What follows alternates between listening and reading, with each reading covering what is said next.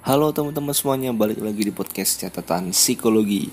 Di podcast kali ini kita akan membahas tentang katarsis. Sebenarnya katarsis ini baik atau buruk sih? Nah, pernah nggak sih kalian ini merasa lega gitu ketika kalian mendengarkan musik yang sesuai dengan perasaan kalian pada saat itu? Misalkan kalian sedang merasa sumpek, kalian sedang merasa sedih, terus kalian dengerin lagu yang mellow gitu ya lagu yang ballad. Dan perasaan kalian lega. Atau misalkan kalian lagi stres lagi marah lagi sumpek terus kalian mengeluarkan kata kasar gitu ya. Kalian mengumpat terus perasaan kalian jadi lega gitu. Atau pernah nggak kalian ini merasa puas gitu? Ketika kalian melihat ada adegan kekerasan di film misalkan ada orang dipukulin gitu. Nah itu kalian ngelihat itu perasaannya jadi puas gitu. Nah kalau kalian pernah berarti kalian baru saja melakukan yang namanya katarsis. Nah sebenarnya apa sih katarsis itu? Dalam psikologi katarsis itu dipopulerkan oleh Sigmund Freud. Dia adalah salah satu tokoh dari psikoanalisa. Nah, kata si Freud ini ketika emosi itu menumpuk, dan tertahan, maka akan terjadi yang namanya sebuah ledakan emosi. Contohnya, ketika kita itu selalu diperlakukan dengan tidak baik oleh orang tua kita misalnya. Nah, kita kan biasanya hmm, beberapa orang ya, beberapa orang ini akan mempunyai kecenderungan untuk memendam emosi tersebut. Jadi dia nggak mau mengeluarkan emosinya, dipendam aja jadinya. Nah, emosi tersebut tadi itu yang punya apa ya punya resiko untuk meledak di suatu hari nanti. Jadi dia punya rasa kecewa, dia punya rasa marah sama orang tuanya, dia punya rasa marah ketika dia dibully tapi dia mendem. Dipendam terus akhirnya suatu saat itu nanti bisa meledak teman-teman. Dan dampaknya itu kita bisa aja melakukan hal yang di luar nalar gitu atau melakukan sebuah kekerasan yang mana itu adalah hal yang negatif. Ya seperti perumpamaannya botol air.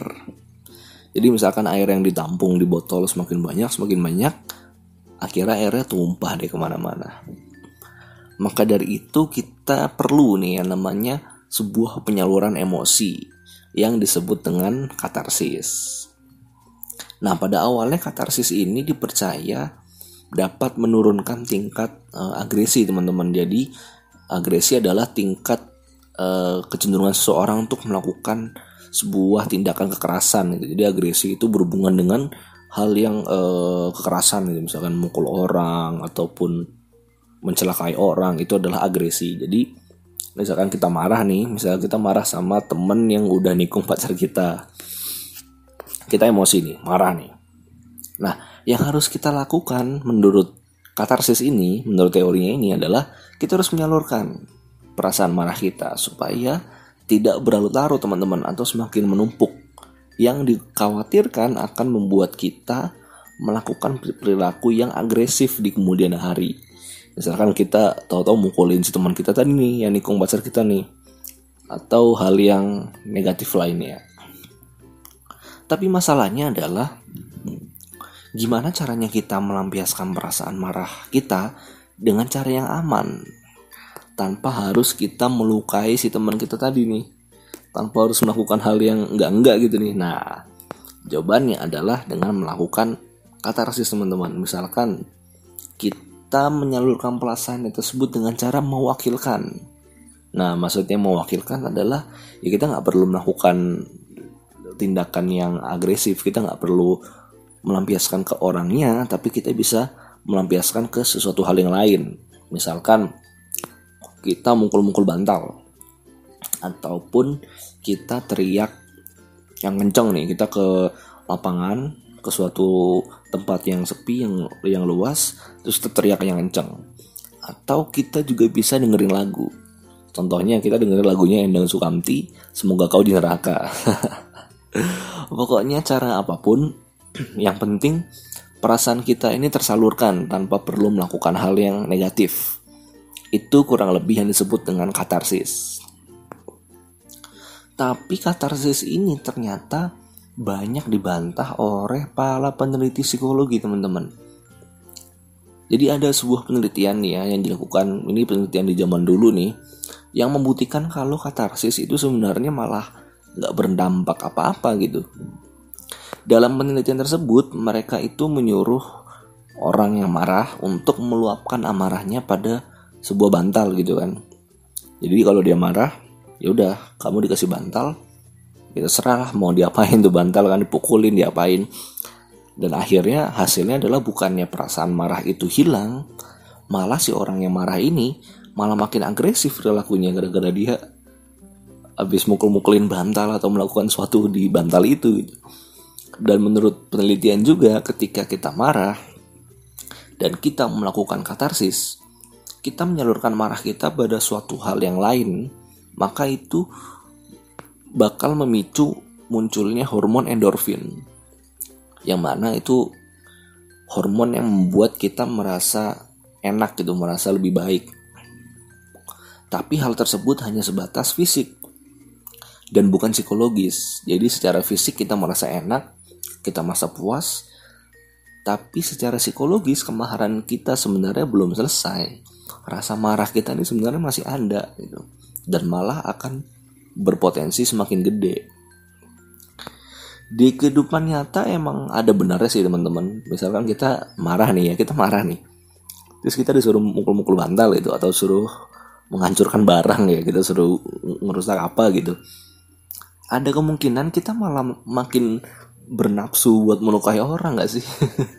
Itu malah kayak malah kayak makin terbakar terbakar amarah gitu. Dan katarsis ini dalam penerapannya di kehidupan sehari-hari malah menurut gue nih agak ngawur teman-teman. Jadi misalnya misalnya nih kita pengen agar orang itu nggak berbuat kekerasan. Ya udah tinggal kasih aja dia film yang bertema tentang uh, kekerasan gitu biar kalau dia marah dia pengen nonjok orang dia pengen melukai orang ya dia nonton aja film itu terus perasaan dia lega gitu. Atau misalkan kita kesal sama orang nih bawaannya pengen mukul dia nih pengen gebukin dia nih. Ya kita nonton aja film uh, The Raid misalnya. Kita nonton aja film The Raid yang banyak. Kan agak apa ya agak nyeleneh nggak sih? Agak agak agak kurang masuk gitu loh kurang masuk di akal gitu. Atau contoh lain ketika kita orangnya ini susah buat nahan nafsu terutama nafsu seks misalnya nih. Nah daripada kita melakukan seks ya kita nonton aja film porno gitu supaya perasaan dan hasrat kita bisa tersalurkan gitu tanpa kita harus merugikan orang lain gitu lah ya. Tapi itu malah menimbulkan efek lain yaitu kita kecanduan pornografi. Jadi ya kalau kita manut-manut 100% sama teori katarsis ya ini ya kita tinggal ngasih apa ya kita tinggal ngasih media aja buat menyalurkan gitu. Ya kalau mau masyarakat kita nggak ada kekerasan nggak ada berantem nggak ada tindak kriminal kasih aja tontonan yang bertema kekerasan. Jadi kalau mereka mau melakukan kekerasan mereka nonton terus mereka merasa puas itu kan. Kan apa ya agak aneh agak gimana gitu kalau prakteknya makanya katarsis ini sebenarnya banyak dibantah oleh para ahli-ahli psikologi. Terus apakah teori katarsis ini sepenuhnya benar teman-teman? Ternyata enggak juga karena katarsis ini sebenarnya bertentangan dengan teori belajar sosial. Nah, contohnya belajar sosial ini adalah kita itu cenderung meniru teman-teman apa yang ada di lingkungan kita. Misalkan contohnya penelitian yang sangat terkenal ya, zaman dulu juga di mana ada beberapa anak ada beberapa anak kecil dibagi jadi dua kelompok. Kelompok pertama itu disuruh nonton film dengan tema kekerasan. Yang kelompok dua disuruh nonton film yang bahagia-bahagia aja. Hasilnya kelompok anak yang nonton film kekerasan mereka malah makin tinggi tingkat agresivitasnya. Nah berarti emang setiap orang itu memiliki kecenderungan untuk ber berperilaku sesuai dengan lingkungan atau apa yang dia pelajari terutama anak-anak. Ya emang sekarang udah banyak buktinya karena emang anak-anak ya itu belajar dari apa yang mereka tonton gitu. Kayak dulu misalkan lagi terkenal terkenalnya acara Smackdown. Akhirnya banyak ditonton oleh anak-anak dan malah ada sampai kasus mereka nge-smackdown temennya di sekolah. Kalau kita balikin ke katarsis kalau ada anak kesel sama teman di sekolah berarti mereka kita suruh aja nonton smackdown ya nggak sih? Misalkan ada anak berantem eh, belum sampai berantem deh ada anak kesel nih sama temennya gitu ada masalah. Nah daripada mereka berantem kasih aja tontonan uh, yang kekerasan Smackdown misalnya. Kan bukannya lega atau apa ya buahnya lega atau gimana ya malah mereka dapat gambaran baru. Oh berarti besok aku di sekolah daripada mukul dia mending aku Smackdown aja nih. Ya sekarang gue bakal nge-recap dulu nih apa yang gue sampaikan tadi. Jadi Katarsis tadi adalah sebuah metode penyaluran perasaan atau emosi yang mana kita menyalurkan emosi kita dengan cara yang diwakilkan. Kita dengan cara mewakilkan pada hal yang lain. Katarsis ini dianggap penting karena kita memendam suatu emosi dan emosi itu menumpuk maka suatu saat emosi tersebut akan meledak.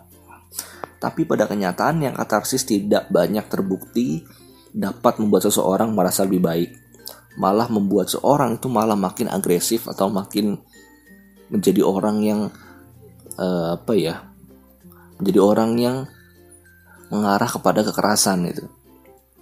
Dan penerapan katarsis ini bisa dibilang sangat tidak wajar untuk dilakukan ya. Yang gue bilang tadi kita tinggal kasih aja tontonan kekerasan ke semua orang biar semua orang tuh gak berantem gitu.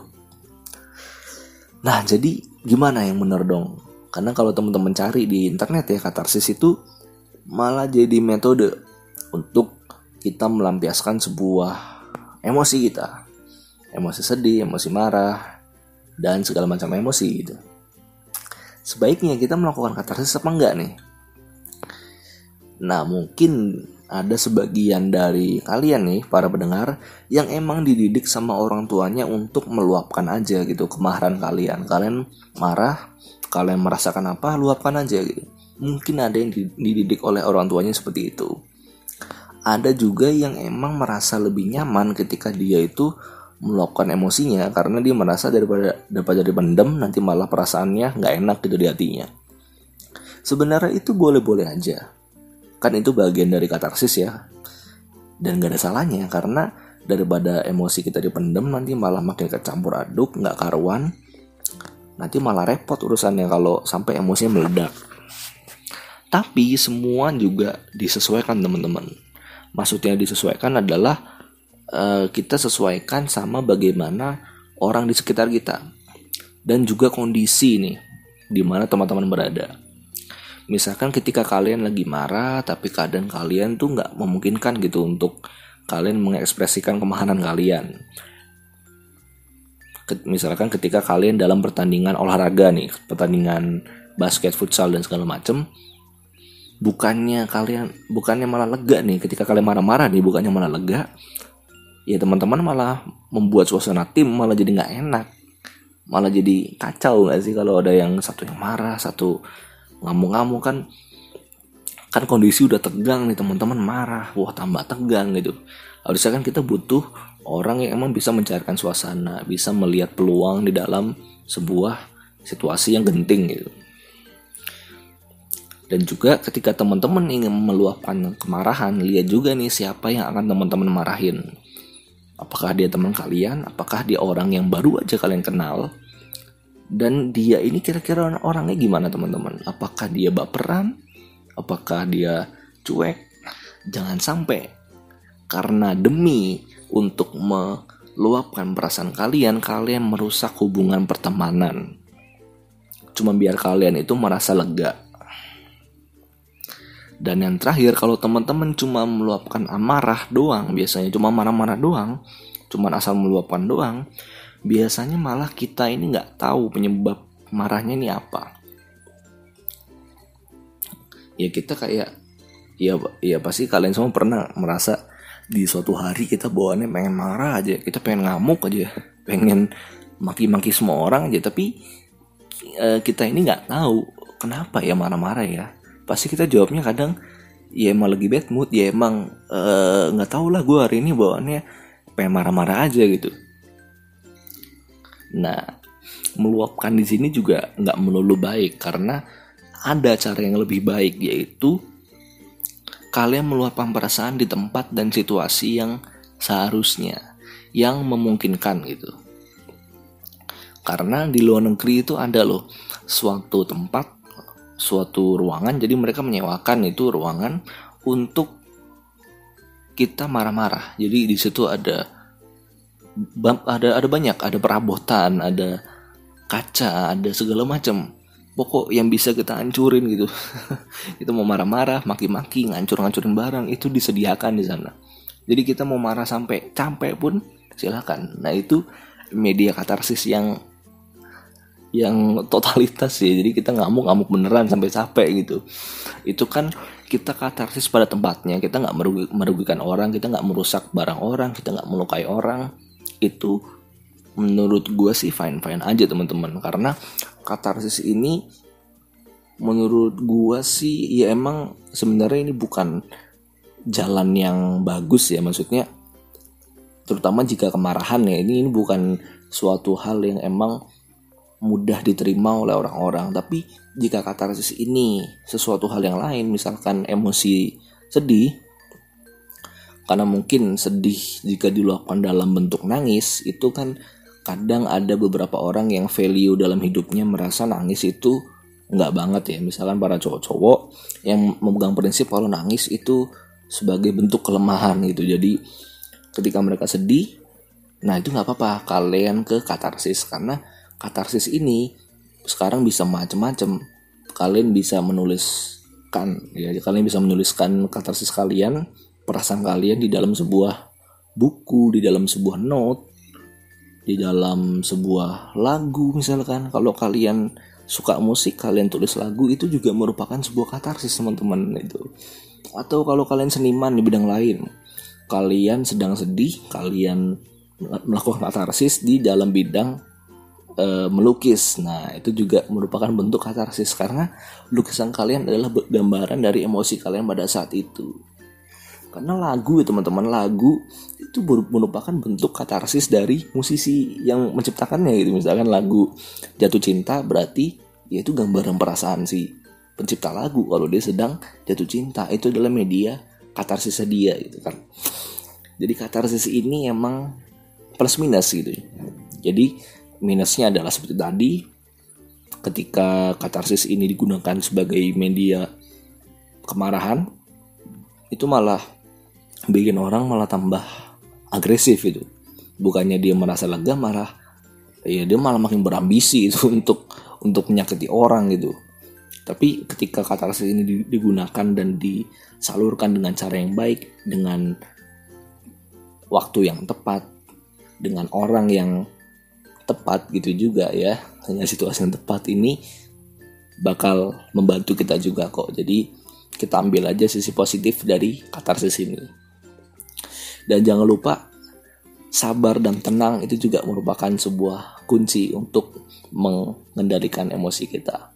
Oke mungkin sampai sini aja podcast pada kali ini. Semoga bisa membantu semoga bisa memberikan pengetahuan tambahan dan sampai jumpa di podcast selanjutnya. Dadah